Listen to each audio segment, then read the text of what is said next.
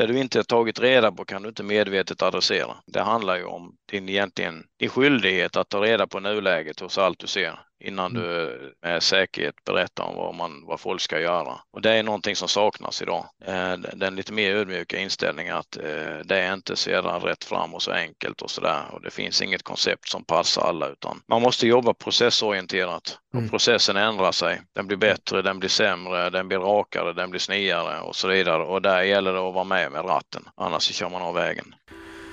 Till Ronneby åker den absoluta svenska idrottseliten för att jobba med veckans gäst Joakim Dettner. Som med sin mångåriga erfarenhet gjort över 40 000 behandlingar och hjälpt människor att hitta hälsa både när det kommer till spetskompetens men också att komma till en bättre grund i sig själv. Och i detta avsnittet så pratar vi om hans erfarenhet, hans kunskap, hans bredd och djup inom helhetshälsa. Vi pratar om hans perspektiv och även det som han tycker är viktigast att tänka på när det kommer till att jobba med hälsa.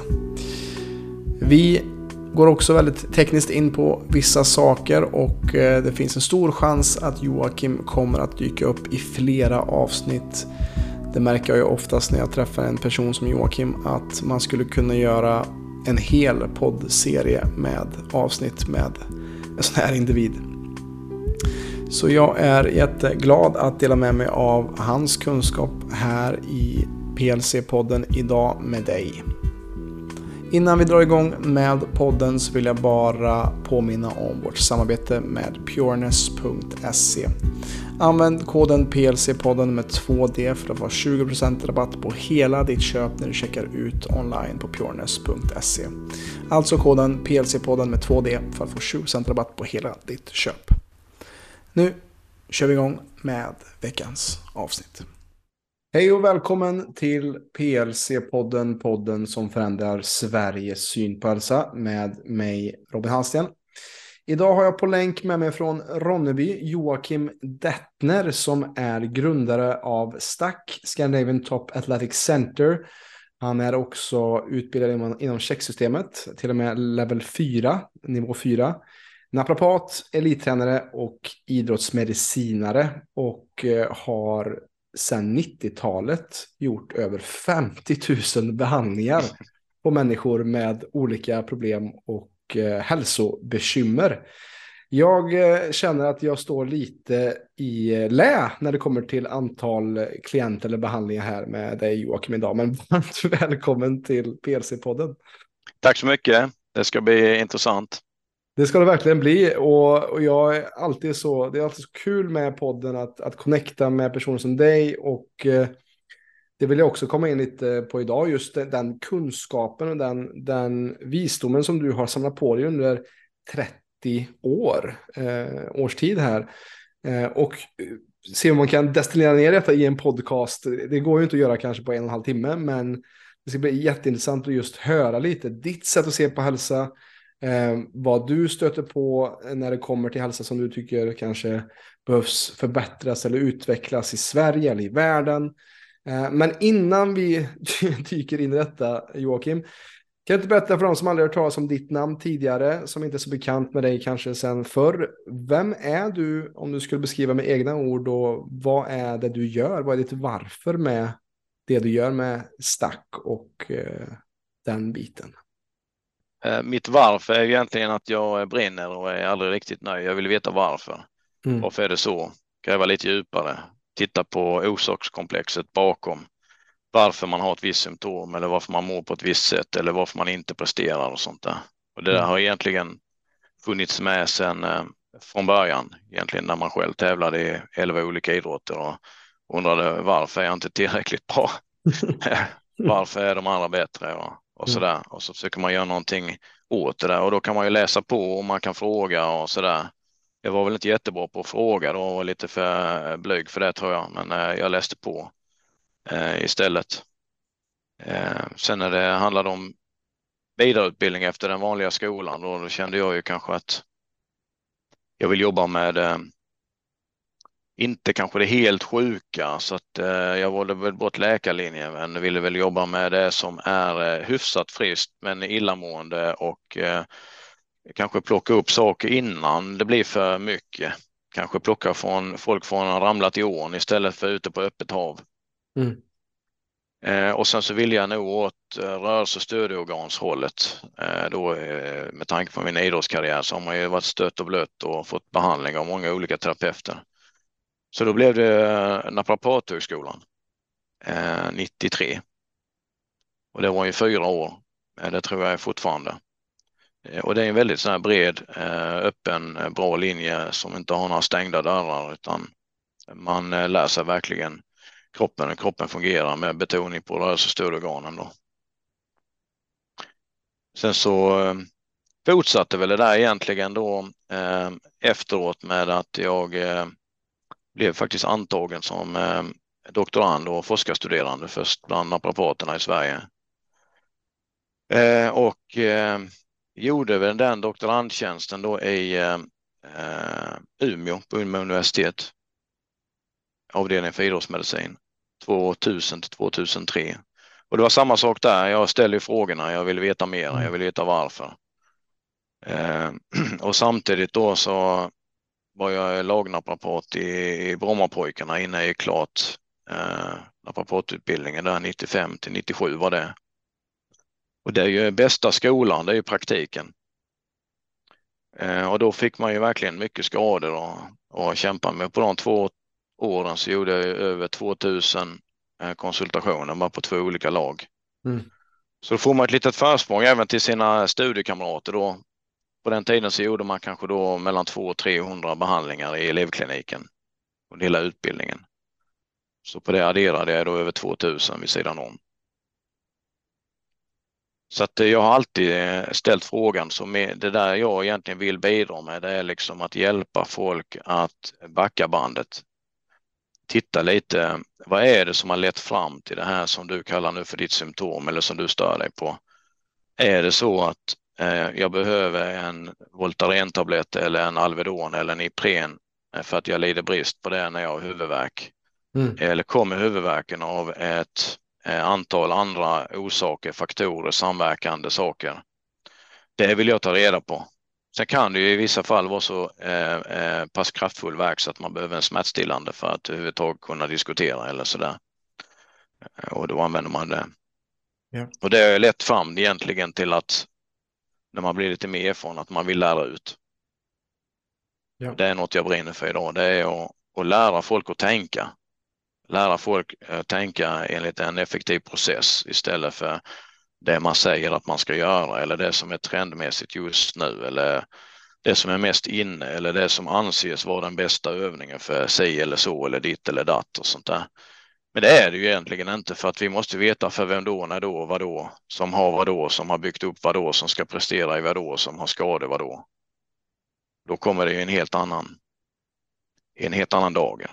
Så det jag gör på jobbet, det vill säga att försöka tänka själv och, och stoppa in min erfarenhetskunskap i diskussionen eller i undersökningen och sånt där. Mm. Det gör ju att jag inbillar mig i alla fall att jag blir eh, snäppet effektivare än vad jag annars skulle ha varit. Just det. Och där är jag också nyfiken på, vi, vi, innan vi körde igång inspelningen här så snackade vi lite om, eh, eh om det du gör just nu och, och hur kommer det sig att eh, folk vallfärdar till dig nu när NHL-säsongen är över till Ronneby för att få behandlingar av dig? Hur kommer det sig att eh, några av de främsta atleterna i världen kommer till just dig med sina bekymmer? Eh, ja, det beror egentligen på att eh, om man har en bra track record och levererar så sprider det sig rätt kvickt. Mm. Eh, så det har jag gjort ganska många år där, så det är ju ända sedan början av 10-talet har jag haft NHL-spelare. Victor Hedman kom 2013 till exempel. Mm. Och ville inte bara vara en bra back i NHL utan ville bli världens bästa back, vilket han sedermera blev två gånger om. Och så ville han också vinna Stanley Cup minst en gång, och har han gjort det två gånger. Mm. Så många vill ju då ha det andra har fått eh, eller skapat. Eh, så de, det är egentligen outputen som säljer mest. Det är, det de tidigare spelarna blev eller det de säger att de fick eller byggde upp eller numera har eller det kan vara eh, fruktansvärd styrka eller acceleration eller uthållighet och repeterbarhet. Jag vill ju gärna bygga alltihopa så att man skapar någonting som man kallar för hybrider. Det vill säga att man är egentligen bra i hela spektrat från det tyngsta, starkaste till det längsta och mest uthålliga. Mm. Då har man ju en ganska så eh, extrem atletism. Så att de kommer ju på grund av eh, eh, eh, berättelserna som de tidiga klienterna ger. Men det är ju också då agenter kanske då som vet eller som också vill spola sina klienter igenom. Eh, och det är ju egentligen en spring-off. 10% av mitt klientel är ju då elitidrottare och 90% är ju vanliga weekend warriors och vanliga Svensson som vill må bra eller klara jobbet eller spela lite squash eller paddel eller kunna springa eller cykla och sådär. Mm. Det är inte jättemånga som eh, skriver spaltmeter om dem eller gör poddar eller sånt där, utan oftast är det då de, den där 5-10 procenten med, med klienter som står ut. Och de här klienterna står ju verkligen ut för att de är beredda att göra bästa jobbet för att eh, nå sina mål. Ja.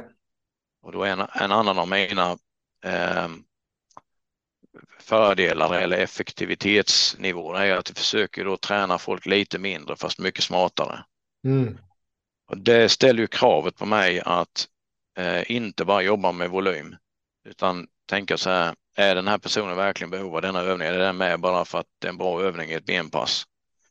Är det här verkligen en lucka som den här personen ska täppa till, då är det väl det som är viktigast innan vi går vidare och gör nästa steg och sånt där. Så en del grejer måste man ta steg för steg och andra grejer kan man köra parallellt eh, bredvid varandra sådär.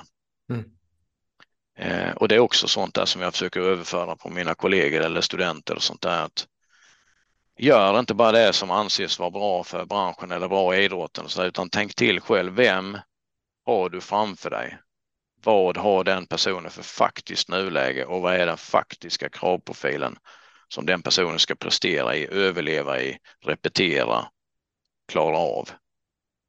För att sen till slut kliva över och bli den nya dragplåster eller den nya um, um, esset i den idrotten och då helt plötsligt så har du flyttat boundaries framåt och uppåt. Just det. Så jag tror de läskas av eh, eh, effekten som tidigare klienter mm. har uppnått. Och sånt säljer ju sig självt. Absolut. Ja, precis. Och då behöver man inte ha världens bästa marknadsföring. För om du hjälper de bästa i världen så kommer ju Nej. det vara bästa marknadsföring i sig. Ja, ja. Vi är Men... ganska dåliga på marknadsföring och lite för att vi inte har behövt göra det i så stor omfattning. Mm. Och det säger ju speaks volume kan man ju säga. Och, ja. och, jag tycker det är intressant när jag kollar här på din bakgrund. För de som lyssnar på det avsnittet så eh, kan man ju inte se detta. Men eh, det finns ju ett eh, gäng böcker kan man ju säga. En hel bokhylla bakom dig. Ja. En, stor, stor, en enormt stor kunskapsbank eh, kan jag tänka mig Joakim som bygger upp det som du säger här. Ja. Vad, känner du själv på den här resan som du gjort under 30 år har varit mest inflytelserik i form av um, kunskap eller böcker som har blivit en grund för det du gör i Stack till exempel? Ja, det är lite roligt det där med böcker för att eh, om du läste en bok eh, 1998 tyckte att den var väldigt bred, djup och komprehensiv när du läser den då 2018 så tycker jag att den är bra mycket tunnare, har inte så mycket djup och sådär, men, men du kommer ihåg de där sidorna som du tyckte var jävligt häftiga och du letar efter det svåra i de där sidorna och hittar det inte. Det betyder att du har ju ätit, den, den, den, där, din nivå har ju gått förbi. Mm. Så det är ju nya böcker som, som dyker upp som har eh, större djup och bredd och sånt där. Mm. Eh, det man också märker när man läser mycket böcker, om man verkligen läser dem, för de här böckerna som är bakom mig, de står ju inte där för att jag har köpt in dem eh, ett boklager någonstans, utan det är ju där för att jag har stoppat in dem i huvudet. Mm. Jag kommer inte ihåg allt jag läst, utan jag måste bläddra upp dem igen. Mm. Jag jobbar ju med, mer med mindmap i min hjärna än att komma ihåg de sju och de fem och de sex och sådär. Mm. Så jag kommer ihåg vilken härad det handlar om och ungefär hur det går till och sen så får jag då titta på, på detaljerna. Mm. Men, men böckerna är väl en stor faktor att jag har eh, eh, ganska så häftigt djup och bredd när det gäller inläst på vad alla andra smarta människor har sammanställt sin totala kunskap om ett ämne och lyckats få det till en bok, för det är en lång process. Mm, och det är mycket silning och gallring och sånt där, så det är verkligen det är sjukt bra materia i, i, i, en bok. Om man vet hur man, hur man eh, tittar igenom böcker för att se om det är bra eller dåligt. Till det lägger man ju eh, studier, alltså eh, publikationer, artiklar, mm. vetenskapliga, vetenskapliga studier och det är ju någonting som är de är dagsfärska rapporter från verkligheten. En studie på de här 18 personerna från Maldiverna som reagerade på det här sättet vid i A-gruppen och det här sättet i B-gruppen och sånt där. Problemet med studier då det är att de gäller mest för de 18 personerna på Maldiverna som gjorde som A-gruppen och B-gruppen. Ehm, så det är ju applicerbart, men man måste sätta det i ljuset av sin totala kunskap, bredd och djup. Mm. Och därför så blir man ju då ehm, eh, artikeltränare där. Allting måste vara eh, science-based och, eh, och så vidare. Då blir man ju väldigt, väldigt tunn. För då jobbar man ju bara med studier då som är gjorda på de 18, de 23 och de 48. Man har ingen e riktigt egen erfarenhet utan man hoppas att det här är science-based och då ska det ju vara bra och då ska resultatet bli som i studien. Och så där. Fast det finns ju kanske åtta till studier som är gjorda på ungefär samma övningar, samma övningsupplägg som alla kommit fram till är olika. Varför det? Ja, ni har haft olika människor i grupperna och det har varit olika personer som har gjort studierna som har instruerat övningen på olika sätt med små varianser och sånt där. Så all den här bias som man då kallar det i forskningsvärlden då är ju jättesvår att, att genomskåda om inte man är lite gammal i gamet och ser liksom att den här studien är gjord på ett visst sätt mm. av en viss anledning av en viss institution som väldigt gärna vill att det här ska vara sant. Yeah. Det visste jag redan innan att de skulle komma fram till det här. Den tar jag mindre hänsyn till. Här är en studie av en neutral forskargrupp som har verkligen kollat vad som är bäst 25 centimeters dropbox eller 35 centimeter dropbox på exakt samma grupp, exakt samma förutsättningar, bla bla, kommit fram till det här och så där. Och så kanske det stämmer med hur jag jobbar praktiskt eller min erfarenhetskunskap i gymmet. Då känner man liksom, men det var ju 1-0 för den. Och så finns det någon annan som säger tvärtom. Då måste jag vara stor nog och orka ta in den här som säger tvärtom trots att jag inte vill att det ska vara sant. Mm. Titta på det, försöka falsifiera mig själv. Misslyckas jag med det så är ju den första hypotesen ännu starkare. Ja. Ja. Eh, så att, och likadant är det med utveckling. Så böcker är väl en stor grej. Personer som har influerat mig väldigt mycket är ju Paul Check till mm. exempel. Eh, redan 2003 till 2007 var ju det en stor influensor. Jag har varit runt i, i större delen av Europa och andra delar av världen och lärt av de som kan mest på sina områden. Jag är intresserad mer av vad de har för output än hur många studier de gjort eller hur många titlar de har och sånt där. Ja. Eh, det är bara att titta på de som går stack elittränarutbildning till exempel. Det kan ju vara någon som har väldigt begränsad kunskap, kanske är en före detta elitidrottare, ingen utbildning. Eh, tungt som fanken i början att lära sig allt om anatomi och fysiologi och sånt här. Men mot slutet av utbildningen så är de uppe i topp tre. Varför det? Extremt intresse, gjort hela jobbet, läser på som fanken, försöker sätta ihop, ställer relevanta frågor, gör alla hemuppgifter, alla, la, la, la. Och till slut så är man ju riktigt bra på det också. Ja. Men jag tänker det att det är ju en sån fördel med att du har haft den här empiriska kunskapen, eller att du kan applicera det i att du har haft så mycket personer att pröva på. Att du har haft 50 000 ja. Eh, behandlingar som du kan verkligen stöta och blöta allt det du läser och tagit in. Um, och det är otroligt viktigt för många kanske bara läser någonting i en forskningsrapport eller, eller läser en bok och sen så tar man det som gospel eller sanning. Och det är ju det som är så ja. viktigt, att applicera detta. Funkar ja. detta, uh, den här typen av metod som uh, eller är det, som du säger, är det här bara för de här 18 personerna i Maldiverna som det gäller för? Ja, och, och där kommer nästa problem då att i, i dagens eh, internetvärld då att det räcker ibland att någon har läst den studien och läst en halv bok och sen helt plötsligt är man guru på nätet. Ja, exakt. Och ska göra program till andra och uppföljning och, och eh, helhetslösningar och sånt där. Och så, så mm. sitter man där stilla och tänker shit vad du måste gissa mycket. Mm. Mm. För det finns helt enkelt inte den erfarenheten för att kunna göra den bedömningen på en, en individ som är okänd för dem och säga att ja, men det här är det bästa programmet. Så det, du har ingen aning, det kanske en axel som inte fungerar, kanske har en, kan inte avlasta supporta, säkra sin egen mittsektion.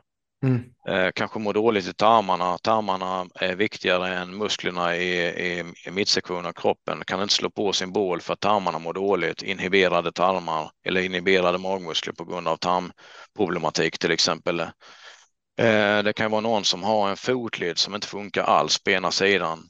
Foten faller in, underbenet pronerar, in, medialroterar eller inåtroterar bäckenet blir lågt på den sidan, ryggen startar en sidokurvatur som vi kallar då för skolios eller funktionell skolios. Som till slut gör att huvudet är snett men ögonen vill alltid vara horisontalplanet. Sen ska de musklerna på vänstersidan alltid hålla ögonen horisontalplan. Till slut orkar de inte att få permanent kramp vilket ger en utstrålning som är migränliknande. Mm. Och så kommer de till mig och säger att jag har migränhuvudvärk på vänster sida då är ju kanske backa bandet. Lösningen är att identifiera den här foten som kollapsar inåt. Ja. Om jag då inte gör en hel screening och gör en riktig analys och tar reda på vem har jag framför mig egentligen. Då missar jag ju alla de här grejerna som skulle kunna vara en del av lösningen eller skulle kunna sätta mig på rätt spår till att hitta det effektiva orsakskomplexet bakom den här personens problem. Och det är det som är så fruktansvärt viktigt att få kollegor och tränare och sånt där att förstå liksom att köp inte grisen i säcken, gör inte bara det som är det senaste eller trenden eller det tuffaste eller volymisk king eller sådär, utan se till verkligen vad är det för stora luckor vi har, täpp dem, vad har vi för andra luckor, de ska vi också täppa, men då skulle vi redan kunna börja med det här. Eller här måste vi dessutom stoppa in en, en eh, en holistisk eh, eh, rådgivning därför att den här personen äter och sover och lever inte överhuvudtaget så den kan återhämta sig. Då är det dumt om jag stoppar in mer stress i den ekvationen. Exakt. Ja. Då kanske det är work-in eller, eller jag kanske ska göra eh, tai chi-övningar. Ja. Vad är det här för barnsliga övningar? Det ser ut som en pressövning men det är ju ingen kraft och sånt där. Nej, men det är inte det vi är ute efter nu. Det är vi ute efter först. Ska vi bara dra ner tempot på din klocka. Mm och sen ska du komma in i andningen och sen så börjar du reflektera över att du har lite bråttom i livet och ta lite tokiga beslut och sånt där. Mm. Och då kommer du ihåg det där jag sa om att vi måste börja med det här. Och då tycker du det var ju relevant. Hur kom han på det? Eh, oj, vad han verkar smart. Han verkar påläst och, han, och det förstod han med en gång. Han måste ha sett det här ofta. Mm. Då ökar ju trovärd eller eh, förtroendet för mig som som terapeut Eh, så så det är egentligen klienten och klientens nuläge, kunden, kundens nuläge som bestämmer vem jag ska vara. Inte vad jag har för förutfattad mening om vad man ska träna, äta, sova eller göra sånt där, utan jag måste ju vara bred, djup, erfaren och inlyssnande. Och sen till slut, nu har jag lyssnat klart. Nu har jag första batchen klar för dig här vad du borde höra till nästa tisdag. Mm. Ja, men ska du inte fråga? Nej, om jag tar, om jag tar reda på tusen saker till så kommer jag inte ändra det som vi måste göra börja med här i alla fall. Mm. Vi kan testa ihjäl oss, ta bara extra tid. Yeah. Så nu gör vi detta. Sen kommer du tillbaka, då är det ett nytt nuläge. Då kanske att jag gjorde tusen test idag kanske är helt orelevant, tog onödigt mycket tid för att det är så mycket som förändrades när vi bara täppte de två största luckorna i din båt. Du slutade ta in vatten, då är allting torrt på insidan. Då ser vi ju någonting på insidan på ett annat sätt än när det var blött. Mm. Jaha, ja, ja, precis ja. Hur, fan, hur gör man det då? Ja, man måste ha gjort fel några gånger. Man måste ha lärt sig. yeah. Ja. Men vi lever ju i en sån värld av eh, quick fixes och man tror att eh, någonting som externt ska hjälpa oss innan vi börjar från insidan ut som du säger till exempel med om du har inhiberade magmuskler och kanske det kanske är för att du är glutenintolerant och där får inflammering och där får ont i ländryggen. Det är så viktigt ja. att se djupare än just bara ländryggsmärtan och problematiken och bara kolla djupare kring helheten. Och det är det som jag också är intresserad, Joakim, när just det holistiska synsättet kom in i din praktik och din eh, terapeutiska eh, klinik. Liksom. Var det ja. innan Paul eller var det, var det i Paul som eh, gav den största inspirationen till just helhetstänket där? Det där med effektiva orsakskomplexet, sånt där föreläste jag redan om eh, innan jag gick ut naprapathögskolan. Okay. Yeah. Eh, och eh, eh, titta brett och djupt och sånt där. Så att jag har den holistiska bilden eller den holistiska tanken är med i varenda klient. Mm. Men genom åren så har jag blivit mindre och mindre omständig och mindre och mindre krånglig och ge enklare och enklare råd och färre och färre råd eftersom jag eh, ju, ju mindre råd jag ger, ju bättre compliance får jag. Ja, just det. ja, så jag söker ju den största luckan där också. Jag ja. kanske säger till någon att eh, vet du vad? Jag tror att du har problem att tåla de här två livsmedelsinriktningarna. Mm. Prova i sju dagar och inte stoppa in dem överhuvudtaget och så gör vi en utvärdering. Och varje dygn som går så skriver du ner de stora förändringarna eller icke-förändringarna eller det som är konstigt. Hur konstigt det än är, skriv ner det. Och sen så kommer hon då och sen, ja kan du tänka dig, jag har sovit längre och så vidare, men jag har börjat, jag har börjat klia så förbannat på ryggen och så där. Och då kanske man säger, ja, just det här livsmedlet, om man inte tål det, så ger det klia på ryggen, men det är också klia i hela kroppen. Mm. För det blir ju då lite låg eh, eh, inflammatorisk reaktion. Och sen så det här andra livsmedlet, det gör ju att tarmarna inte mår så där jättebra. Och när de inte mår så bra så har de liksom lite problem att, att smälta mat och de har lite problem att eh, göra det som man ska, fullständigt processera mat och så vidare. Och då blir det lite det här problemet med bajeriet och att det kan bli lite löst. Mm. Och det var ju det som slutade nu sa du. Mm. Och då blir de sugna att göra sju dagar till. Då har jag inte sagt 14 dagar. Nej. då har de uppgraderat till 14 dagar. Just det. Ja, och det är det jag menar less is more då. Mm. Och det kan man fan inte lära sig från början utan man måste gå på pumpen och tycka fan vilket bra, nu har jag gett sju olika holistiska punkter här då. Läs de här två böckerna, gör tai chi, hundra stycken eh, tai chi-dagar i rad, det kallas för en gång mm. och sådär. Eh, och komma ner i varv och sånt där och så kanske någon tänker så fan mycket jag skit i det. Mm. Men tänk om jag bara säger en sak och sen säger att och jag tror nog nästan inte du fixar det. Det är ett misstroendevotum. Mm. Eller hur? Mm. Den plockar de ju järnet. Ja. Eller en annan regel som jag har då, det är ju att gör den här korrektiva övningen, men du får inte göra den speciellt länge, max två minuter. Får du hålla på total tid från där du går ner på golvet, ställer den här positionen och gör den här övningen till du ska sluta och, och gå upp. Därifrån får du ta max två minuter. Mm. Och max har folk problem med. För det betyder att du kan inte förhandla bort det. Nej. Nej. Och det är så kort så att jag, jag kan inte förhandla bort det heller. Det är bara två minuter fem gånger om dagen. Men om det tar sex dagar till de kommer till mig nästa gång så är det ju 30 stycken avslut. Eller 35 avslut. Beroende på hur man räknar. Och då har de ju faktiskt hittat den programvaran. Mm. Och då är ju det igång. Om då ryggen har blivit lite lättare att avlasta, supporta och säkra med hjälp av bara den enkla övningen så kommer nästa fråga. Har du fler sådana? Mm. Då har vi öppnat portarna för ännu mer input. Ja. Jag börjar smalt eller börjar litet eller börjar med det som är, jag tänker att där kan vi nog nå en, en schysst framgång. Och då föder det ju mera.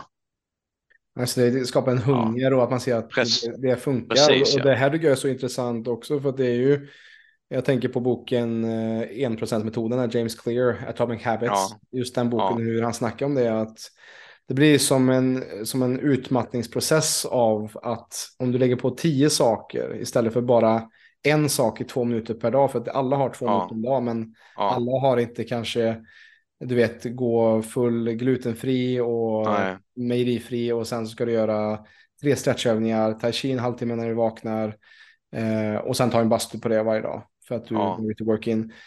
Då orkar man ju inte det för att det blir för mycket för hjärnan att ta in. Eh, blir, blir för mycket i det medvetna. Vi behöver göra liksom små saker så att det liksom fastnar i det undermedvetna och ankras där innan ja. så att vi kan få en stor förändring. Ja, för, så för man jobbar. Det ser man, man ju, liksom, det ser man ju i januari, liksom, varje januari så är det ju alla gym är fullt. Ja. Tre veckor och sen så slutar folk.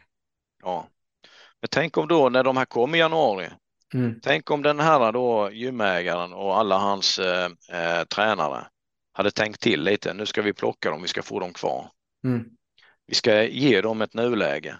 Vi ska berätta hur de egentligen mår, hur de ligger till och sånt där. Vi kommer mm. tappa säkert 10 som egentligen bara vill bli piskade för att få en hormonell frisättning som gör att de får en, en, en, en god känsla i kroppen och kan säga mm. att min PT piskade skiten ur mig. Fan vad bra mm. det är och så där. Så kan vi få de 90 kvar. Hur ska vi få det då? Genom att få resultat. Hur får vi resultat? Genom att snabbt identifiera deras största luckor och stoppa in det. Hur fan ska vi paketera detta? Jag kallar det för gröna klassen eller, eller instegsträning eller eh, uppgradera dig för allt det roliga. Och sen så jobbar man med det stenhårt och sen så när första kullen då kanske hade ett avhopp på 50 procent. Det gör ingenting för de 50 som är kvar blev väldigt mycket bättre att vara kvar på gymmet hela året. Mm. De sprider ju ordet till nästa omgång i januari när de mm. kommer. Du, haka på det där erbjudandet om instegskursen eller gröna kursen. Jag vet inte vad det heter i år, men du vet där de lär dig från grunden och tar reda på dina luckor. Du får en liten enkel screening och sånt här. Du blir dösugen på att göra en screening till och den tar de betalt för. Ja, det är klart som fan gymmet måste ju överleva. Men då har de ändå satt dem på rätt bana. När det här görs tredje året sen, då vet alla liksom, ja, ja, jag valde er för ni har ju det här insteg, eh, vad det heter, gröna gruppen, där man blir så bra i ryggen och nacken och blir av med huvudvärken. Mm. Ja, Sen kanske de är en sån som vill gå på alla aerobikpassen eller spinningpassen, men då gör de det med ett bättre ramverk som tål belastning på ett annat sätt och återhämtar sig mycket effektivare. Ja. Så, så det, om jag inte har med den holistiska tanken i mina konsultationer, konsultationer, då gör jag fel.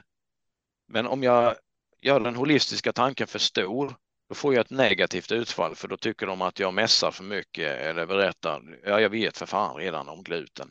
Mm. Jag kanske inte ens säger att jag tror att du inte tål gluten eller, eller proteinstrukturen gliadin. Utan jag säger bara så här. Vilka, vilka livsmedel tror du att du blir mest gasig och fisig av?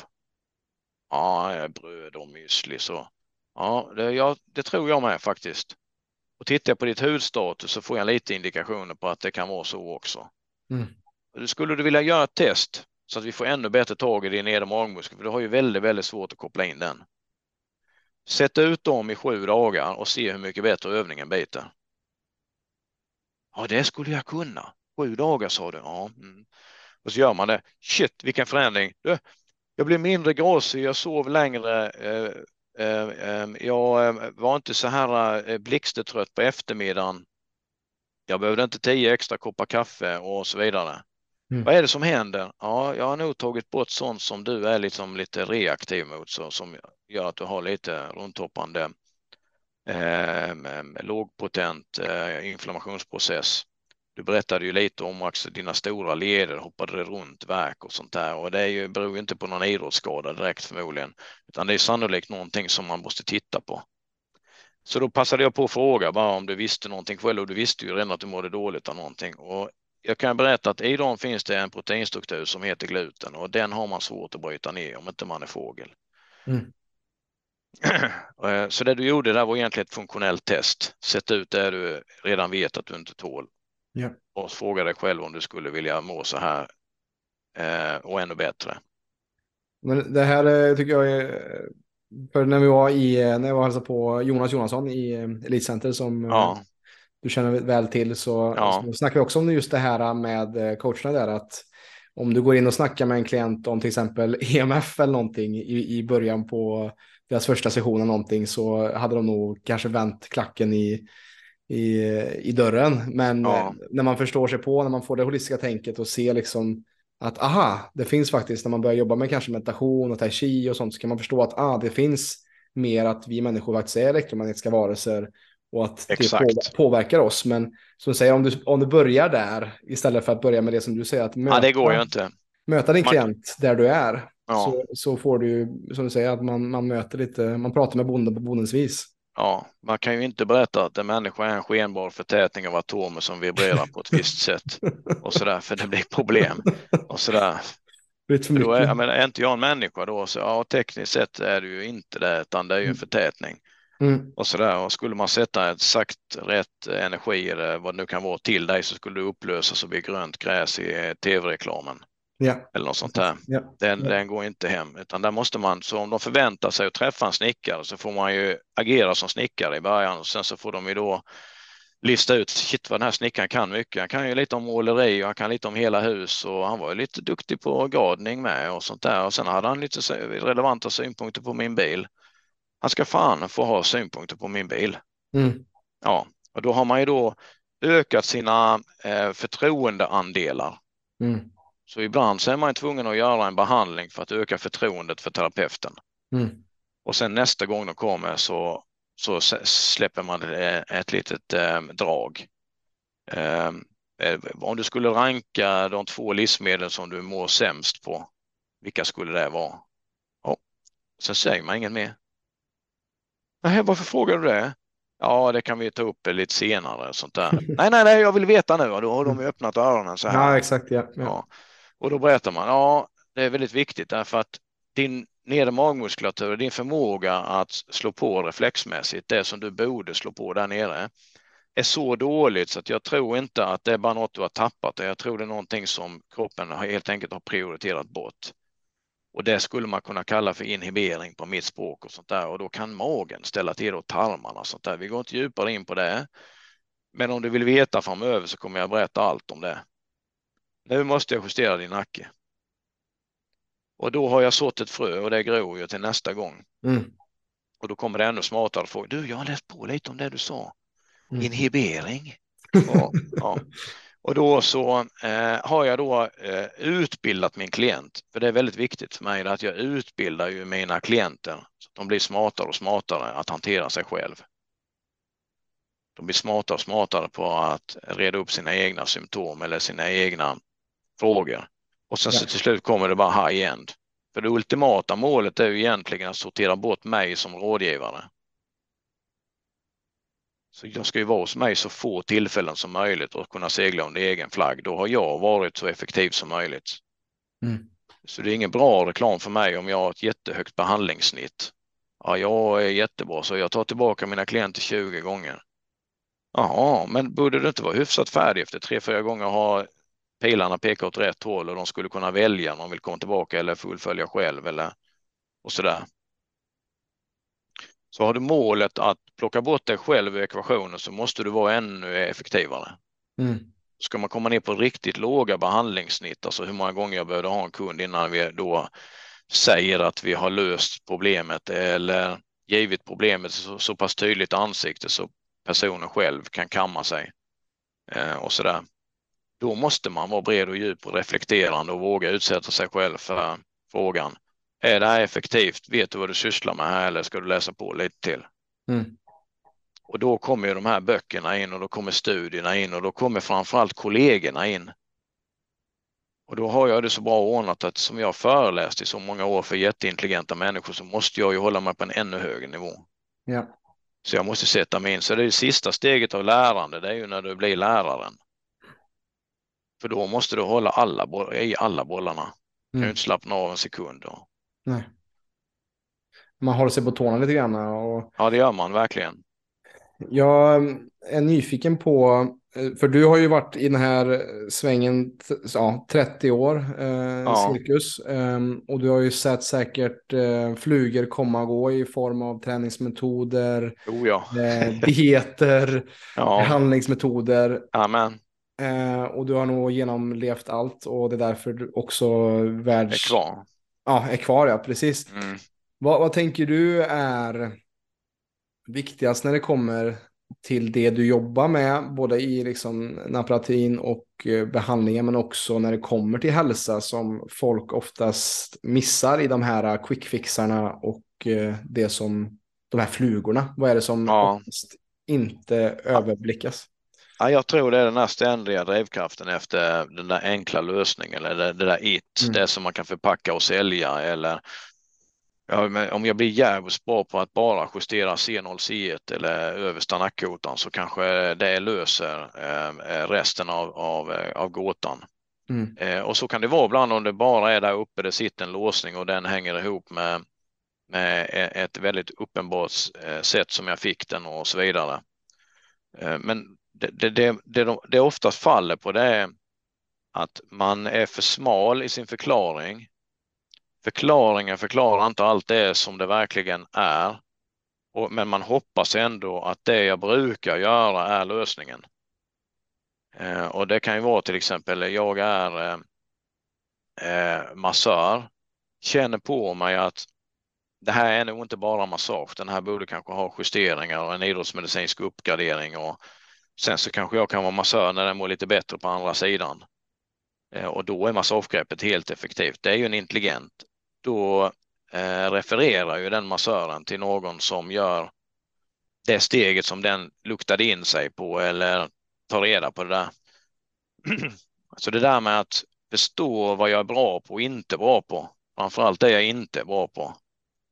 Eh, den ödmjukheten är väl inte Ja, den är närvarande, men i de här snabba tidsförloppet som vi har nu med de här medierna, där alla är experter självutnämnda på nätet och så där, eh, då kan det bli väldigt tokigt.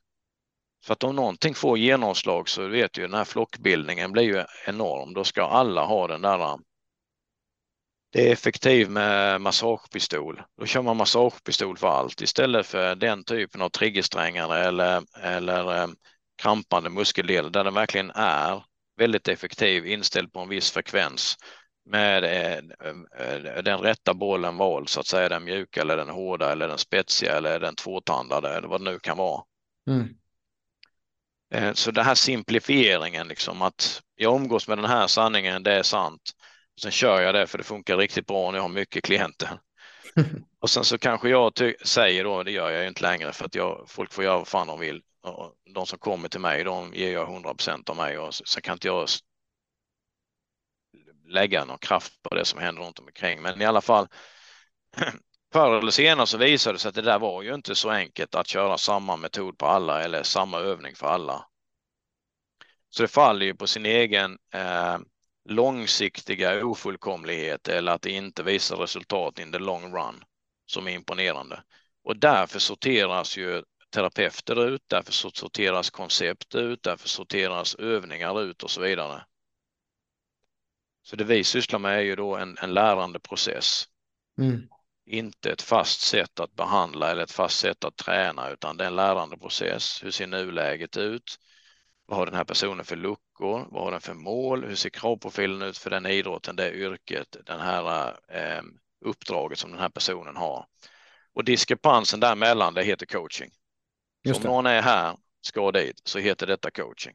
Mm. Och vägen dit kan ju gå på många, många olika sätt och vara precis lika effektivt in the long run och kanske till och med samma slutdatum. Och så har man gjort på lite olika sätt. Men det finns vissa grejer i de där olika sätten som alla har passerat. Och det kan till exempel vara om ditt ramverk inte eh, är tillräckligt bra för att tåla belastning, fixa ramverket. Och det är kanske då på en människa blir det då kanske då eh, in i unit, det vill säga bäcken, ländrygg, diafragma som är en enhet och sen har vi stora bålen som är huvudet och hela vägen ner till bäckenet då. Eh, en annan grej kanske är att komma upp till den styrkenivå som ändå krävs för det yrket, annars så kommer du eh, inte orka med yrket över tid eller de enskilda lyften. Och sen så kanske sy ihop det här i sådana grenära rörelsemönster som liknar det som du gör i det här yrket eller den här idrotten. Så är det någon som jobbar med tegelstenar och stensättare till exempel. Så det är framåtböjd brottarställning kommer du vara i förr eller senare jättemycket oavsett. Då är det lika bra att du lär dig att göra kettlebellsvingar lite på felaktigt sätt med en en, en, en load i den bakre ligamentapparaten. och det kan ju på gymmet se helt fel ut. Men med förklaringen, det här är en stensättare i senare delen av sin uppbyggnadsträning för stensättning. Där vi vill loada det här ligamentapparaten där bak. Men vi har en mm. bra skydd där under och så vidare. Ja. Så, så det är väl simplifieringen som är den största då, att alla vill att det ska vara så enkelt och sen ska man kunna förpacka det och sälja det i, i helst i stora mängder. Just det. Och utbildningar ska helst vara på nätet och man ska inte behöva träffas och diplomen ska komma så fort som möjligt så att jag kan eh, vara PT eller tränare eller sånt där. och man, det är jobbigt att åka någonstans. Men yeah. att åka någonstans och titta på när någon verkligen drejar, kanske i, eh, i keramikbranschen. och så har man försökt lära sig det via video hemma och det går ju inte. Och sen ser plötsligt sitter man där och sen så tar den ens händ och sen nu gröper du in så här så håller du så här. Känner du? Där är vasen. Men shit, jag har provat tusen gånger. Och det så här enkelt? Nej, det var inte så enkelt. Jag höll i din hand och gjorde det enkelt. Mm. Nu gör du det. Nu är det ju då kanske 1500 försök framåt. Om du hade försökt själv hemma lista ut den här gåtan. Är inte det bra att dra nyssa av ackumulerad erfarenhet? Ja.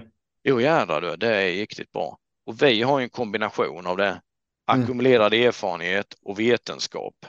Mm. Om inte man lirar de två parallellt med varandra så är det där dumt för då drar man inte nytta av en av dem. Nej, de exakt. två blir ju tre Hej allihopa! Jonas här. Då jag vet att många i samhället upplever utmaningar kring sin hälsa men inte riktigt fått hjälpen de behöver så har jag lagt upp ett kostnadsfritt webbinar för dig som inte är medlem. I detta webbinar kommer jag prata om vanliga grundorsaker bakom konstant trötthet, låg energi, sömnsvårigheter, magbesvär och värk. Och du kommer även få mer info om hur vi på PLC jobbar för att åtgärda detta. Du hittar mer info om webbinariet i beskrivningen till detta avsnittet. Men med det sagt så tackar jag för mig Tillbaka till dig Robin. Ja. Men det är det som jag ser också med att ha konversation med dig och med andra, typ som Jonas också som var med, som varit med, som har studerat skitmycket och jag ser att vi står ju, eh, när man pratar med personer som er så är det ju som du säger, man, man står ju nästan på era axlar för att det är så intressant med den här bilden jag har nu framför mig med dig och dina böcker. Att det är ju destillerat in här, in i dig och kommer jag till plats och kan se dig, hur du jobbar i det fysiska, hur du möter en klient, hur du tar på en klient eller hur du gör en manipulation, då det är ju mer värt än att se det på en YouTube-video. För då kan ja. man också gå in och, och verkligen kolla med sina egna ögon. Ja, och då öppnar vi bara dörren där och går fem meter så är ja. vi 300 kvadratmeter privatgym. Ja, precis. precis. så det, det är ju stor skillnad på det som du säger och att många ja eh, ha diverse diplom och grejer, men de kanske inte ens har den kunskapen som man borde ha när man skulle säga att man är en PT eller nutritionist eller kostrådgivare eller vad det nu kan vara.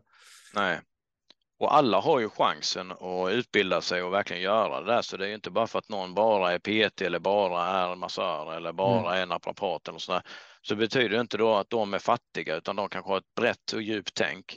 Ja. Och är en kraftig inlärningskurva. Och det är det jag egentligen inte begär, men, men hoppas att alla liksom är intresserade om man är i ett yrke. Varför inte vara nyfiken och progressiv och eh, våga lära om misstagen? Och har man gjort fel så gör man om och försöker göra bättre. Ja. Och sen så har man ju då nästan eliminerat det felet tills det dyker upp nästa gång när man, när man eh, eh darrar lite på, på manschetten. Mm. Så jag gillar ju folk som gör den resan och Jonas Jonasson som du nämnde där som ni har haft i något tidigare poddavsnitt där Eh, har ju faktiskt gått i eh, lärling hos oss i, i väldigt många år mm. och var ju just en sån som ville tänka ett varv till, ville lära sig mycket mera och ville till slut starta ett eget ställe och göra det på ett jättebra sätt ner på, på eh, Elitcenter. Mm. Så det är ju en bra representant för den resan som jag vill att man ska. Man ska mm. göra. Mm. Våga tänk själv, stå för det, förkovra dig, Eh, implementera det i verkligheten, analysera hur det gick, våga fråga igen, gå vidare. Nu mm. får jag ju inte alls så mycket frågor av Jonas som jag fick för ett antal år sedan.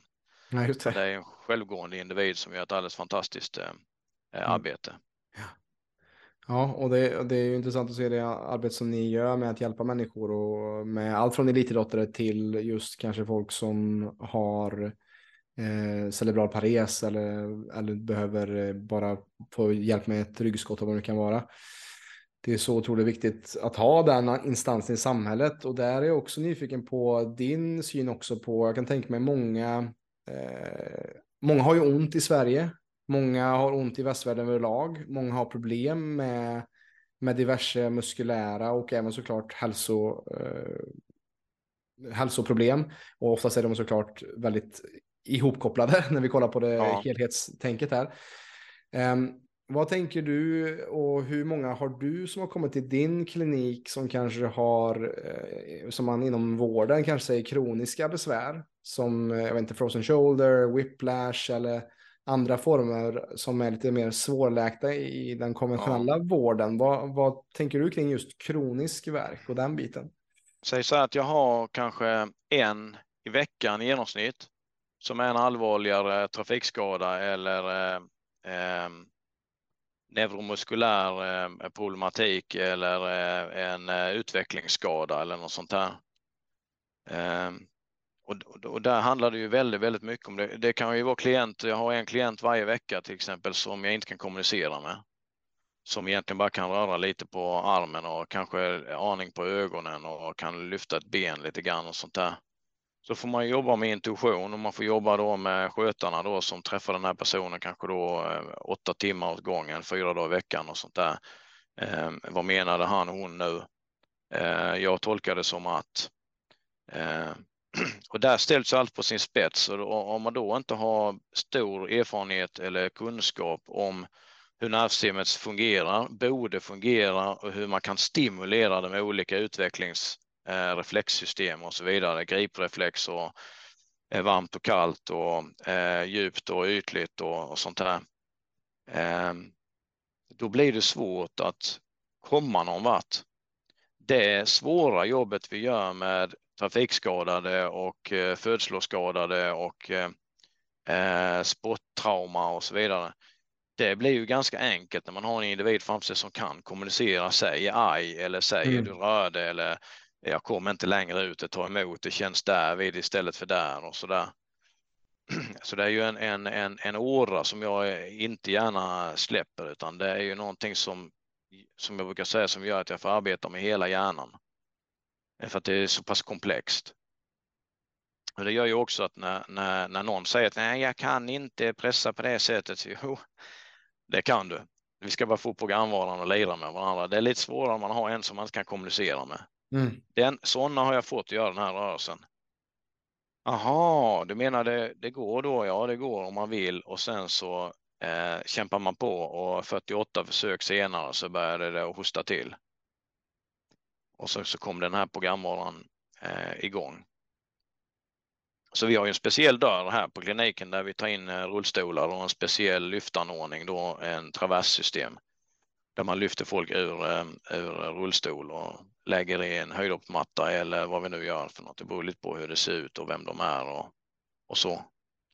Så att vi spänner över hela området från värsta trafikskada man kan tänka sig med, med eh, behandling över 14 år mm till eh, enklare problem. Några som mår bra som har lukat rabatten för länge och har både tryckkänsliga knän och lite ont i nacken och bröstryggen för att de har jobbat med kutrygg och gamnacke i, i två dagar.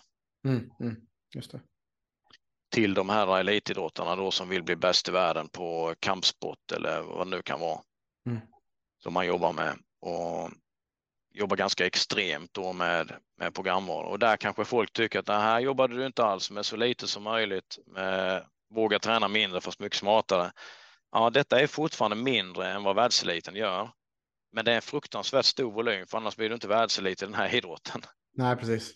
Ja, så allting är ju relativt. Så, så jag säger ju inte att man ska skita i att träna fyra dagar i veckan och bara träna två och få lika mycket effekt. Eh, eh, det är mycket mer intrikat än så. Jag kanske mm. identifierar i ett konståkningsupplägg att den här personen tränar 11 pass. Jag skulle vilja utmana er att minska det till 9. Och sen bör ni lägga till ett pass som heter uppgradera och underhålla alltid mittsektionen så den inte läcker för då kommer du inte att vibrera så mycket eller vackla så mycket i landningarna. Mm. Och då klassas det ju som en, en, en perfekt landning istället för avdrag då kanske personen vågar gå in i hoppet på en helt annan sätt. Kommer lite högre, kan snurra ett halvt varv till och helt plötsligt lära sig två och ett halvt varv. Exakt. Så att man lär av alla olika klienttyper mm. är ju lärande för mig. Eh, och då tvingas jag ju, eller med på resan så blir jag ju lite smartare, lite effektivare. Mm. Men vad jag ville komma med med den frågan var också, har du många som har gått med smärta väldigt länge och inte fått hjälp från andra terapeuter eller vården? Jo, ja. ja eh, kan du berätta lite ja. om det, alltså kring, ja. kring kanske vanliga eh, bekymmer som många tror kan vara kroniska, som kanske går ja. med ett par behandlingar hos er med stackutbildning att fixa? vad, ju, vad kan det vara? Alltså en jättevanlig grej det är ju, jag har ut, jag ischias. Mm eller ischiasen som de brukar säga då när de skojar till det. Mm. Eh, och då är det ju egentligen att eh, utstrålning i benet eh, av okänd art det blir en väldigt bred diagnos, men ischias är ju egentligen en ischiasnerv som någon står mm. på då tycker de. Mm. Eller, eller den de har varit hos och fått rådet. Och då står på, ja det kanske är att det är lite trångt i utgångshålet från ryggraden. Det är inte direkt att det är tryck på det för en nervstruktur retas även när den hotas av tryck. Det är inte ens någon som står på den utan det är bara högre tryck i, i rummet. Mm. Eller lite trångt runt kröken och sånt där. Om jag då till exempel tänker så här, vad är det effektiva orsakskomplexet bakom detta? Ja, det de inte får ha som är dåligt om de nu redan har problem med eh, utstrålning i benen, det är ju att de, att de inte kan avlasta säkra supporta sin egen ländrygg. Som en enhet ihop med bäcken. Och då kollar jag, kan de säkra? Kan de slå på den nedre djupa magmuskeln? Kan de avlasta med hjälp av diafragma så det blir en lyftande effekt i ryggraden? Eh, svar nej, svar nej, svar nej. Oj, det måste vi uppgradera och helt plötsligt så kan de då ha en lyftande effekt i, i eh, ryggraden med hjälp av diafragman för att ingen annanstans läcker heller i sida eller i botten. Och då helt plötsligt så blir det lite, lite mer plats för den här nervroten då som ska gå ut genom, eh, mm. genom sidohålet där. Och då säger den så här, ja det är så pass mycket plats nu så vi behöver inte signalera fara. Och sen, det är ingen utstrålning i mitt ben. Du, du har räddat mig, du har gjort en fantastisk behandling. Ja, jag har egentligen bara identifierat att ramverket inte var tillräckligt bra. Det kollapsar lite grann. Så de som låg på understa våningen tyckte att det var lite trångt. Men när du rä, rätade upp dig och efterdrog bultarna i de här kryssen och sånt här så, så, så blev det, kändes det som lite mer plats där och då slutade de att klaga längst nere. Mm. Och därför så är den här borta. Men jag skulle råda dig att bygga det här en bra bit till för att du har haft det här så pass länge så att dina diskar har hunnit att bli lite tilltryckta så de är lite låga. Precis som man ser på din röntgenbild här att det är lite för nära mellan kotkopparna på de nedersta två nivåerna. Då är säkert eh, mellan eh, skivedisken där eh, lite låg. Och om två saker närmar sig varandra som i sitt originalavstånd eh, till varandra hade uppspända sidosystem nu har närmat sig varandra, då blir de slacka. Då blir det ju sjuvkrafter som man ska skydda sig mot och då går kroppen i skyddsläge. Och då kanske kroppen spänner sig för mycket i området och det är en del av det axiala trycket som gör att det blir lite trångt i utgångshålet för nervroten för att du dessutom själv trycker ihop dig. Det är inte bara för dåligt i området, du har själv börjat trycka ihop dig, så det är ju två system som gör det här svårlöst. Om du då bara får en Voltaren-tablett för att man kallar det för inflammation i ryggen eller du får rådet att ha en maggördel eller ett byggarbälte på dig eller något sånt här. Då blir det det utanpålager, alltså artificiella försök att få någon, en funktion som inte är bra att bli eh, uppträda som bättre. Men det har faktiskt inte förändrat någonting. Mm. Så när vi då uppgraderar och de faktiskt förändrar förmågan att avlasta, supporta och säkra sin egen rygg så helt plötsligt så slutar ju det där symptomet, utstrålningen i benet. Så det sker ju ofta. Så kan det vara i en halsryggrad likadant, ungefär med dess upphängningssystem eller en armbåge eller en, en, utstrålning i hand eller något sånt här som kommer från extensorerna eller vad det nu kan vara eller roterande muskler som man har överanvänt i, i paddel till exempel eller något sånt där. och så identifierar man det effektiva orsakskomplexet bakom där och så sätter man in stöten där, sen några korrektiva hemövningar och sen komma tillbaka. Nu kan vi äntligen justera. Men varför har ingen sagt det här innan? Ja, den första du var sa ju det. Den andra du var sa det där. Båda har rätt. Men du måste sy ihop det och du måste mm. göra det i rätt ordning. Ja. Det hjälpte jag dig med. Ja, ja, varför säger du inte att de var dåliga? De har inte varit dåliga. De har gjort så bra de har kunnat med tillgänglig kunskap. Det har inte jag rätt att säga att någon har varit dålig, utan jag säger bara att jag hade inte nöjt mig med det. Jag hade inte nöjt med det. Jag hade satt ihop det så hade jag gjort det i rätt ordning så hade jag lagt till det här. Just det. Nu gjorde vi det och, och kom till detta. Det är väl skitbra. Mm. För jag har ju också varit kanske eh, mindre erfaren en gång i tiden. Det är ju inte kul om någon säger ja, men det där det är ett typiskt tecken på oerfarenhet. Det där var ju dåligt och så där. När jag egentligen har gjort, jag var ju ganska nära lösningen, men jag var inte så bred och djup så jag kunde lösa hela. Mm. Och det är det jag tycker är häftigt då med att man kan refer out. Man kan referera till varandra. Och så gör jag till exempel när någon har så pass allvarliga inre organsystemsproblematiker så att jag anser att där är jag ju bara en tiondel kunnig än den här killen som har nördat in sig totalt på detta. Då skickar jag ju, du måste åka till min kollega Jonas Alvin i Södertälje. Eh, han är grym på det här, han reder upp detta. När ni har rätt upp det och följer honom till punkt och pricka, då kan jag gå in och jobba vidare med det här och så ser ni till att det här rullar vid sidan om. Mm. Han vet precis hur jag jobbar och jag vet hur han jobbar. Han är dessutom stark elittränarutbildad. Fast han är helt inne på det här funktionsmedicinska och så vidare. Ja. Då skickar man ju då till en kroppsdelsspecialist. Men då är det av den, den väldigt riktade anledningen tillräckligt dålig organdiagnos. Eller om någon har tillräckligt dålig axel, jag kan inte hjälpa dig med korrektiva övningar, vi har försökt nu. Vi har gjort allt vi har kunnat, det är fortfarande så illa så att du inte kan göra någonting av det du vill göra i livet. Nu är det verkligen läge att konsultera en ortopedkirurg som är specialist på axlar. Då blir den ortopedkirurgen jätteglad för vad fan jobbar med jag? Söndriga axlar, klippa och klistra. Mm. Då går han in med sin extrema hjärna på det här området och säger ja, där har du och Jocke gjort en jävla bra bedömning. Tur att ni inte gick vidare för nu är det jag som är expert.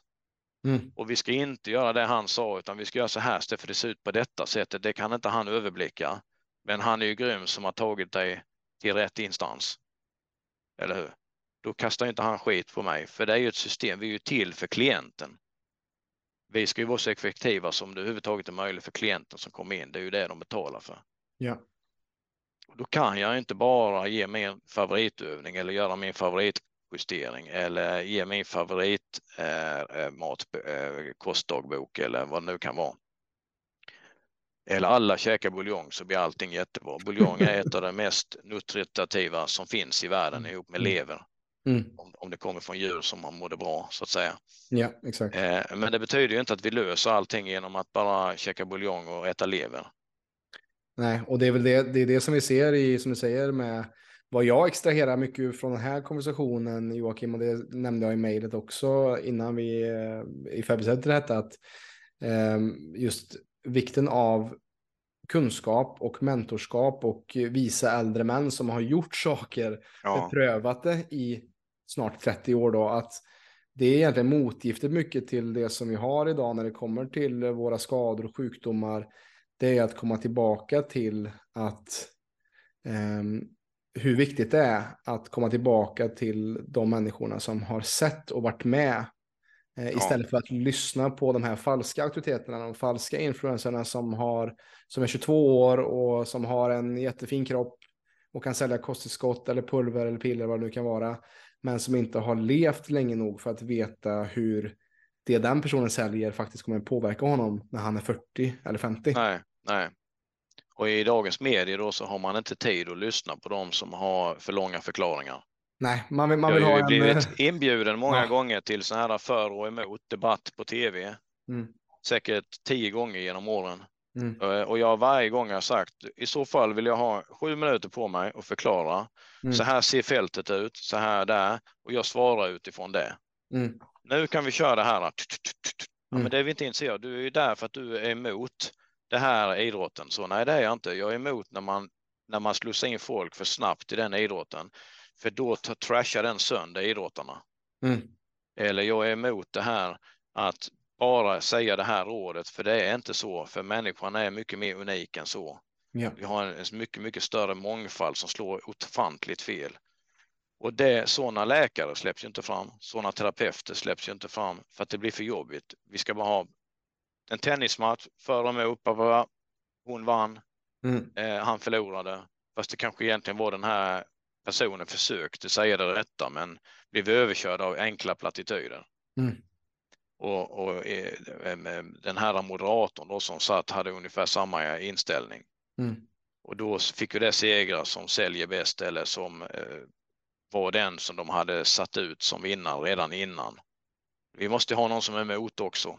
Ja. Vad kan vi ta för någon? Vi ringer eh, sig och så. Mm. Så någon gång har jag roat mig att se vem var de valde istället och så ser man ju då att oj då, och då fick de ju verkligen vad de ville ha. Mm. Så det är svårt för om, om, man är riktigt bred och djup på ett område så är det ganska svårt att titta på allmän tv om det handlar om det området.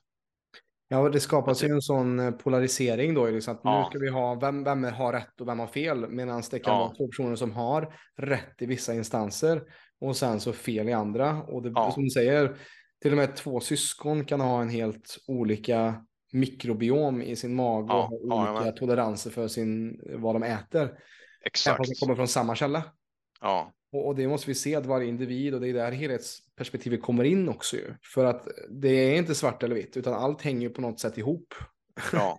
och, och, när vi försöker få in det till en 15 sekunder story på Instagram eller ett eh, tre minuters segment på nyheterna så kommer du inte aldrig kunna få med helheten, hela bilden. Nej.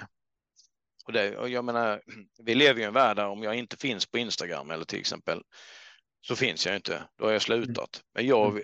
är egentligen inte jätteintresserad av att göra Instagram-inlägg för jag vill ju jobba med människor och hjälpa mm. dem att skjuta ut sig och sånt här. Mm. Men då ska jag göra ett inlägg då, då tar det en förfärlig tid för då måste jag ju väga alla mina meningar så att det inte blir plattitydigt och det får inte bli för mycket. Men jag måste ändå göra kunskapen rättvisa mm. och sådär. Och då blir det ändå så här, ah, den där var nog bara halvsäljande. Mm, mm. Egentligen vill bara skriva så, fan, här nere i Ronneby är vi bäst.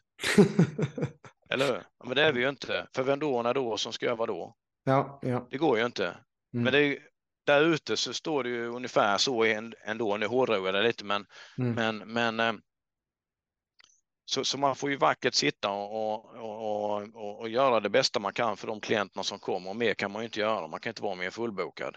Nej, exakt. Eh, och man, jag behöver inte ut och hoja och jag står faktiskt ut när folk pratar eh, osnälla ord och sånt där och kanske drar ut någon liten del av det vi gör och kallar det för eh, fjantigt eller, eller eh, ja, alla tror på sitt och sådär. Mm. Mm. Fast vi gör ju inte alla tror på sitt utan man läser på, mm. man implementerar, man lär, man försöker vara så effektiv som möjligt och jag tror ju på klienten. Mm. Ja, det är den som är min min guide och sen försöker jag bara vara så bra matros som möjligt på deras båt den stunden som jag får vara på deras båt och visa hur de drar i sina segel och skotar hem och, och flyttar levangen och allt vad det nu är. Ja. Ja, precis. Att också veta att eh, vi har inte alla, vi vet inte så mycket om de andra som kanske finns runt omkring oss, utan det är lätt att man har också fördomar kring vad det är det gör. Man kanske kan se ett snitt när du kanske eh, håller på med tai chi och tänker oj vad ja. har du på med? Det där ser jättelurigt ja. ut och man förstår inte helheten i varför Nej. vi behöver den här övningen för att lugna vårt nervsystem för att vi är i för mycket det sympatiska nervsystemet och behöver lugna ner oss. Medan ja. folk, ja men det där är bara flum. Jag hade ju någon på, skrev på kommentarer för jag la ut en sån. Jag gjorde tai chi ruler på morgonen innan jag började föreläsa på senaste steget och stack elittränare. Mm, mm. Och så la jag ut det så hade jag lite stenhögar där då som jag har lite när ja, man försöker vara sig själv så kan man bygga stenar på höjd och, och mm. sådär. Mm. Så la jag ut den så fick han, ah, har du börjat köra tai chi och sånt igen? Så ja, jag har aldrig slutat sådär, men jag lägger inte upp det på Instagram kanske. Nu tänkte jag att det kan vara bra variation så ser de liksom att jag går in i min egen dimma innan och sånt där, försöker samla ihop mig så att jag kan tanka ner så mycket in, eh, information och sånt som möjligt till förmån ja. för de som går på kursen och sånt där. Ja. Och då steg jag upp alldeles för tidigt första dagen då eh, och så gör jag det här då. Och hur länge står du där då? Eh, ja, till jag är färdig. Hur länge är det? Ja, jag vet inte. Det kan vara två minuter eller 22. Jag vet, när man kommer in i flowet så är minuterna oväsentliga eh, mm. och egentligen så till slut så sticker ditt eget intellekt eller din egen whatever in och säger där är det färdigt. Mm.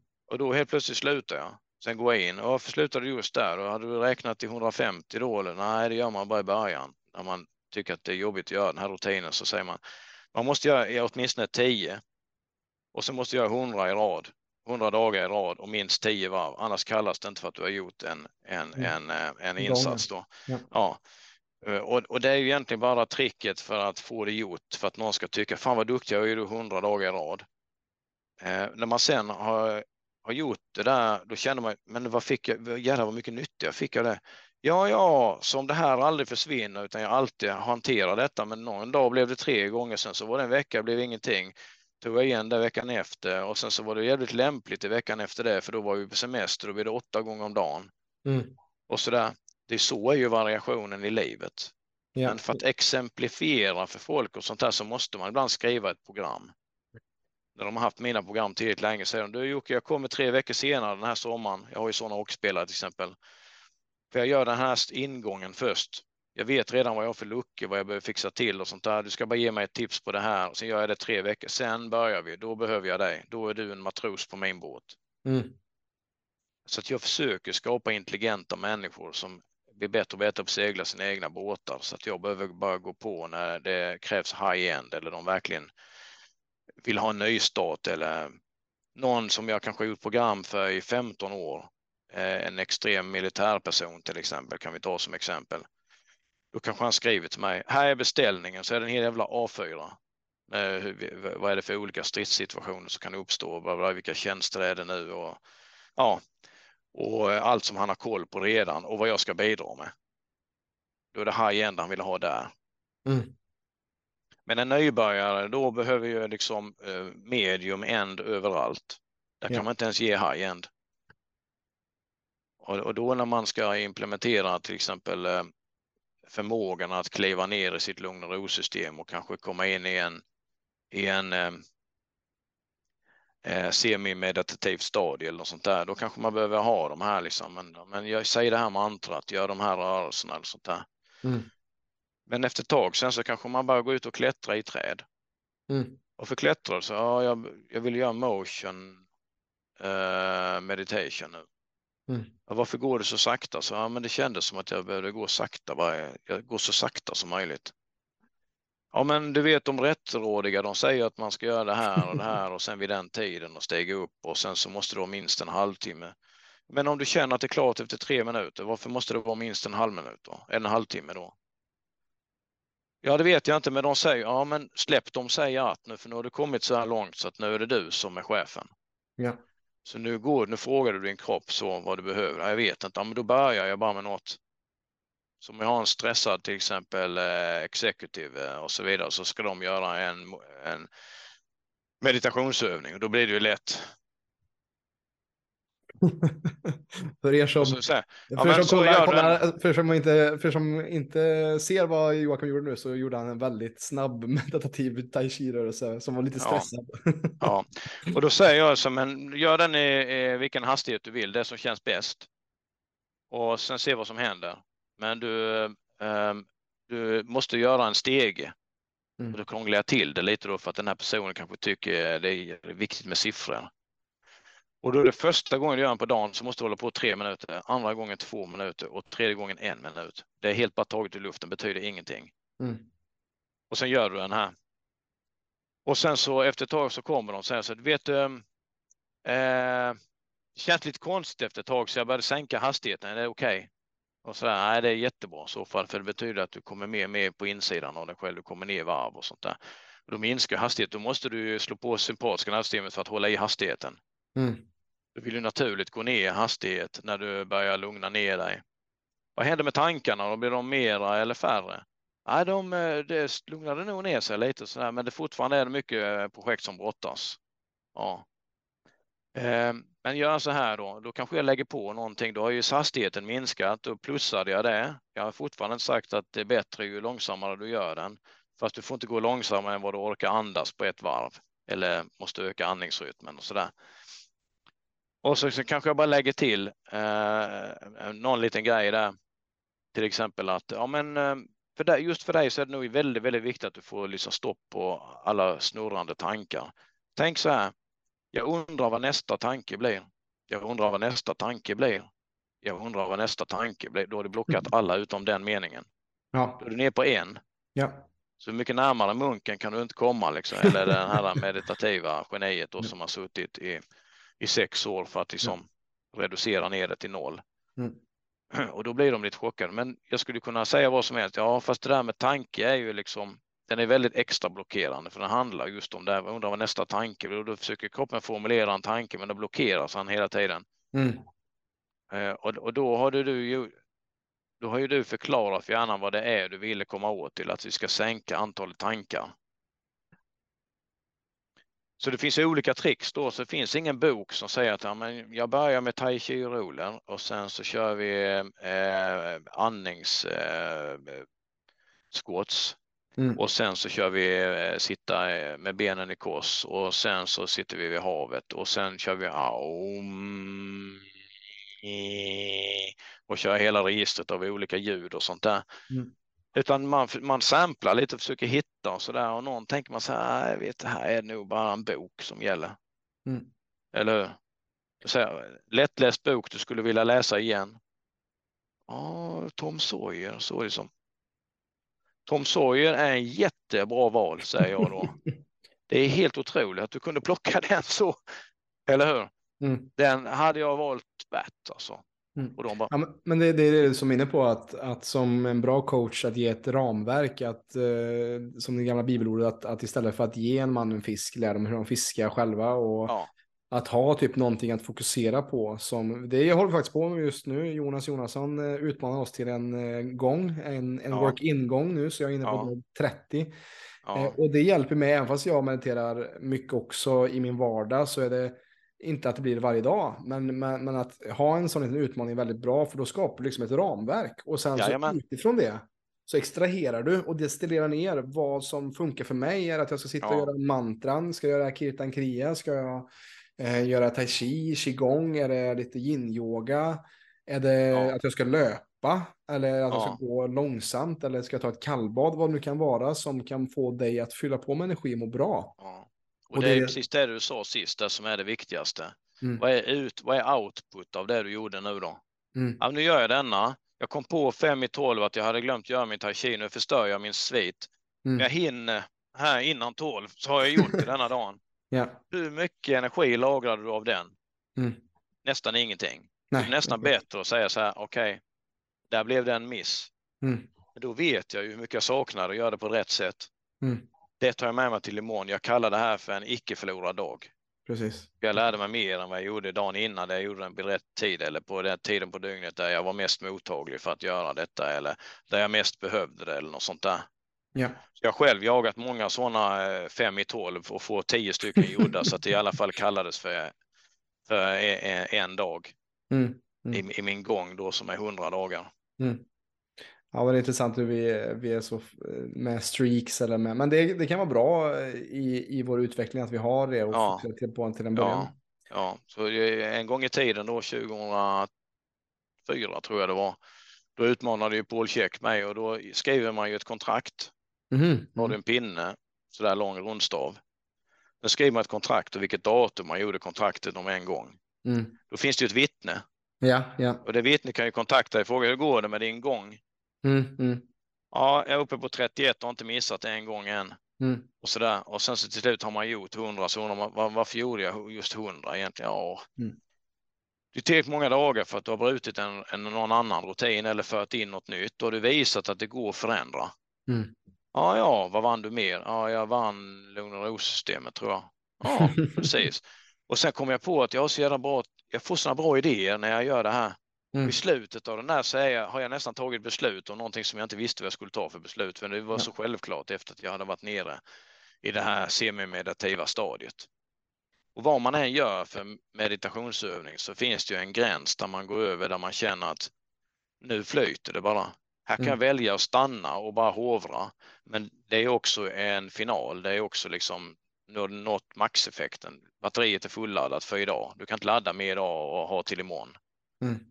Eh, Så det är egentligen det är ett- en, en, en, en lärprocess eller att eh, eh, komma ner i varv, eh, eh, hämta energi eller öppna luckor för mer inlärning är också Mm. en jävla bra grej. Ja. Eller innan du ska göra en ritning på det nya gymmet så sitter du och mediterar i 30 minuter. Och sen tänker du på all träning du har genomfört med klienter och så plötsligt kommer du på två kabelmaskiner. Det är det viktigaste i hela gymmet. Mm. Och de ska vara mot varandra. Mm. Och tillräckligt långt bort så att de har fullt utdragen lina. Så där, vad är det? Det är 5,50 och så vidare. Och helt plötsligt så har du ändrat om alla grejer i gymmet för att det här blev egentligen det som det aldrig får vara kritiskt. Det måste alltid få plats. Eller så uppdagas något annat där i slutet på, på den här meditationen där man känner att ja, fast det där projektet tänker jag ju inte genomföra. Nej. Jag vill inte egentligen. Jag är förbi det stadiet. Det är låg ersättning och outputen från det kan på sin höjd bli medium. Mm. Vad ska jag då göra? Ja, för att det var smickrande att få frågan. Mm. Ja, fast var det tillräckligt då? Nej, det var det inte.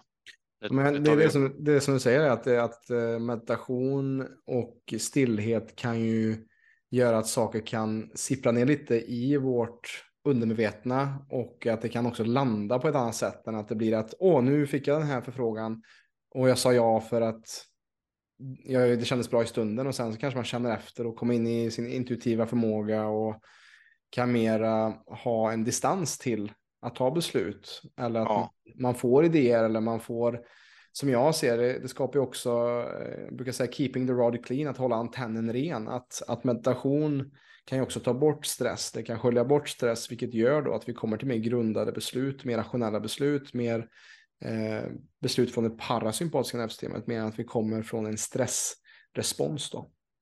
Mm. Jag tror det är viktigt. Ja. ja, det ingår ju det där med eh, jag har ju en regel som jag kallar för 80-20-regeln. Mm. till 80 procent sköter man sig exemplariskt. Mm. Eh, så som mitt nuläge kräver eller kravprofilen eller mage-tarm eller kosten eller vad står på insidan av mitt tarmklocka och så vidare och ekologiskt och biodynamiskt och, eller så oförgiftat som möjligt. Mm. Men till 20 procent så måste det finnas då eh, det andra då att man gör lite fel. Mm. Och vad är fel då? Ja, det är kanske att fuska med klass. Mm. Ja, fast nu känner jag för en stor jävla kopp kaffe mm. och jag vill ha en kanelbulle. Jag tål det lite sådär halvdåligt, men jag åker till det här jättedyra kaféet som gör det på surdeg och den bryter jag ner mycket, mycket enklare än en vanlig bulle. Så ska jag nu ha, äta lite av det som gör mig lite, lite fisig och sådär, då ska jag fan åka och göra det och njuta fullt ut. Ja. Då bestämmer jag redan innan att jag ska inte ha ångest för att göra detta, utan detta har jag valt att göra. Det är en add-on. Mm. Det är fuska med klass. och det funkar jäkligt bra när jag, när jag guidar och slussar och, och, och utbildar eh, både kollegor och eh, studenter och mina klienter. För då känner de att, ja men då är du ju inte så extrem. Nej, jag, ett, jag är inte extrem alls, för jag talar bara om eh, lev som de meningen ska göra, drick rent vatten, gå och lägg dig på kvällen. Mm. Och sen tänk rena tankar, det vill säga eh, tänk det positiva först. Hur kan man lösa det här då? Vad kan jag göra för en kompis så att det blir roligare för mig i slutändan och sånt där. och sen så är det den här eh, fuska med klass. Det är ju allt det där som du känner att du skulle vilja göra men det kanske inte är helt hundra. Mm. Eh, det är lite utanför ramverket. ja, utanför ramverket. Mm. Eh, och då kan det vara träning också. Ja men shit, jag fick ju inte göra bänkpress för jag har väldigt framåtroterade axlar och sånt där och jag har ont i bröstryggen och sånt där. Fast jag är så sugen. Ja men gör bänkpress då. Ja men då blir det ju sämre. Ja men tänk hur skulle du kunna göra bänkpress? Ja, men om du gör det på en boll och så får du lite mer extension i bröstryggen. Eller det kanske är lite ostadigt på kryssen samtidigt sånt där. Och så gör du med en arm så inducerar du rotation som du ska hindra. Då får du lite add-on. Då kan, känns det lika dåligt nu då? Nej, det känns inte så dåligt. Men det är fortfarande press pattern och sådär. Mm. Ja. Så det kan ju vara att fuska med klass. Jag vill göra en, en, en övning som inte just nu är optimal för mig, men det är viktigt för mig för att annars, för jag är Mr bänkpress eller jag är Mr Arnoldpress eller vad det nu kan vara. Ja. Den diskussionen har jag ju ofta med konditionsidrottare till exempel, speciellt de som springer väldigt långt. Ja. Ja, nu har du den här hälsenan. Den behöver avlastningen i minst fyra dagar. Och under den tiden så måste vi få den att överhuvudtaget tåla belastningen på den nivån och sen ska vi smyga igång det. Då har de slutat lyssna för länge sedan och sen tar, de, tar det tre sekunder säger de så här. Fyra dagar. Och då låter det som de säger 40 dagar. Mm. Fyra dagar. Så ser man och tänker hela livet. Det är fan hela livet. Det går ju inte. Och då är ju de ju knarkare på, på lång distans. Mm. För det är ju en typ av kontemplation eller flykt eller mm. eh, vana eller endorfinfrisättning eller allihopa. Yeah. Och den trilskas man inte med hur som helst och säger att de inte får. Mm. Och då har jag ett exempel läst på en, en kille då som eh, var 11 minuter efter täten på Vasaloppet som 50 treåring tror jag det var. Extrem långdistansare alltså. Mm. Och han sa just de där fyra dagar. Det lät som 40 dagar och han skulle bara avlasta sin hälsenast. Så att vi Fyra in långa år. Ja. Och då sa, jag, sa han så här, tänkte han lite, sen sa han. Och jag går och handlar då.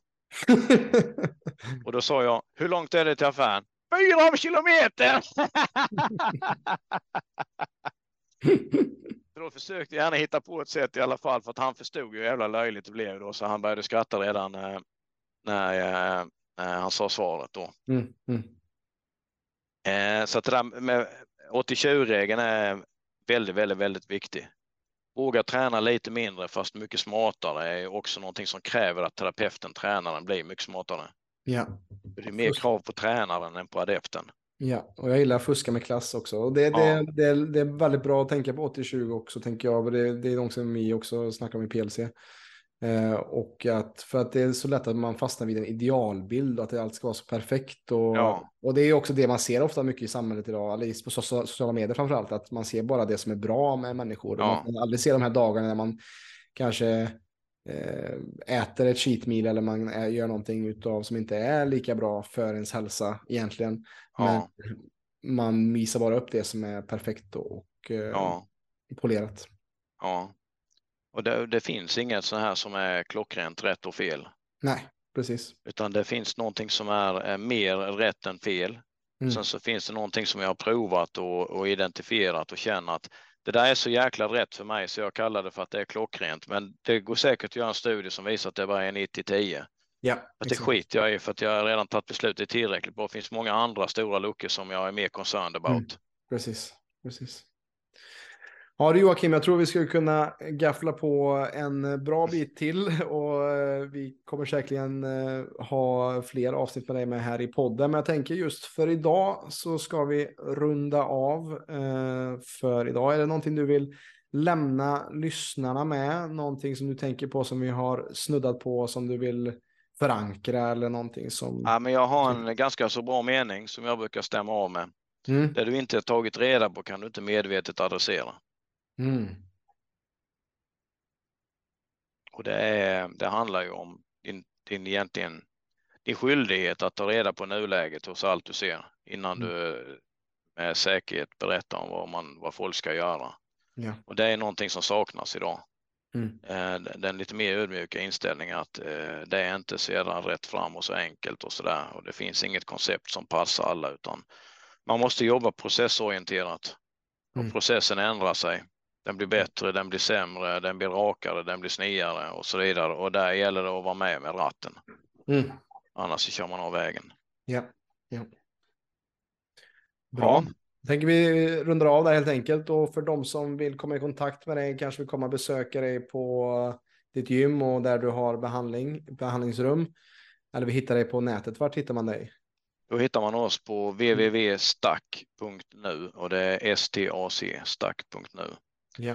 Och eh, vi har både naprapat och idrottsmedicinsk mottagning och gym i samma del. Mm. Gymmet är inte öppet för medlemmar utan där, där kör ju vi med våra klienter så att säga och de som är långtidsrehabbar och sånt där. Just det. Ja. Sen har vi ju Stack Academy mm. Eh, där vi utbildar folk och då eh, finns det information på samma sida www.stack.nu. Mm. Grymt. Kanon, tack för eh, att du har varit med och delat din visdom här med oss Joakim idag i podden. Och för dig som har, precis som jag, funnit mycket intressant och extraherat ut eh, visdom och kunskap från det här avsnittet.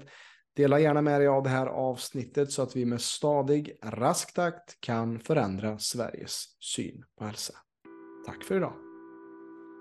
Stort tack för att du har lyssnat på detta avsnittet av PLC-podden. Om du som lyssnare är intresserad av att få bättre balans på din kropp och hälsa så kan du gå in på www.plclub.se. Där kan du göra en gratis hälsoundersökning och läsa mer om hur vi hjälper människor på ett holistiskt sätt att skapa mer energi, få igång förbränningen och minska värk. Alltså www.plclub.se plclub.se. Vi finns även på Instagram, YouTube, Spotify och Facebook at Premium Lifestyle Club om du vill ta del av mer gratis material. Stort tack för din tid här med oss.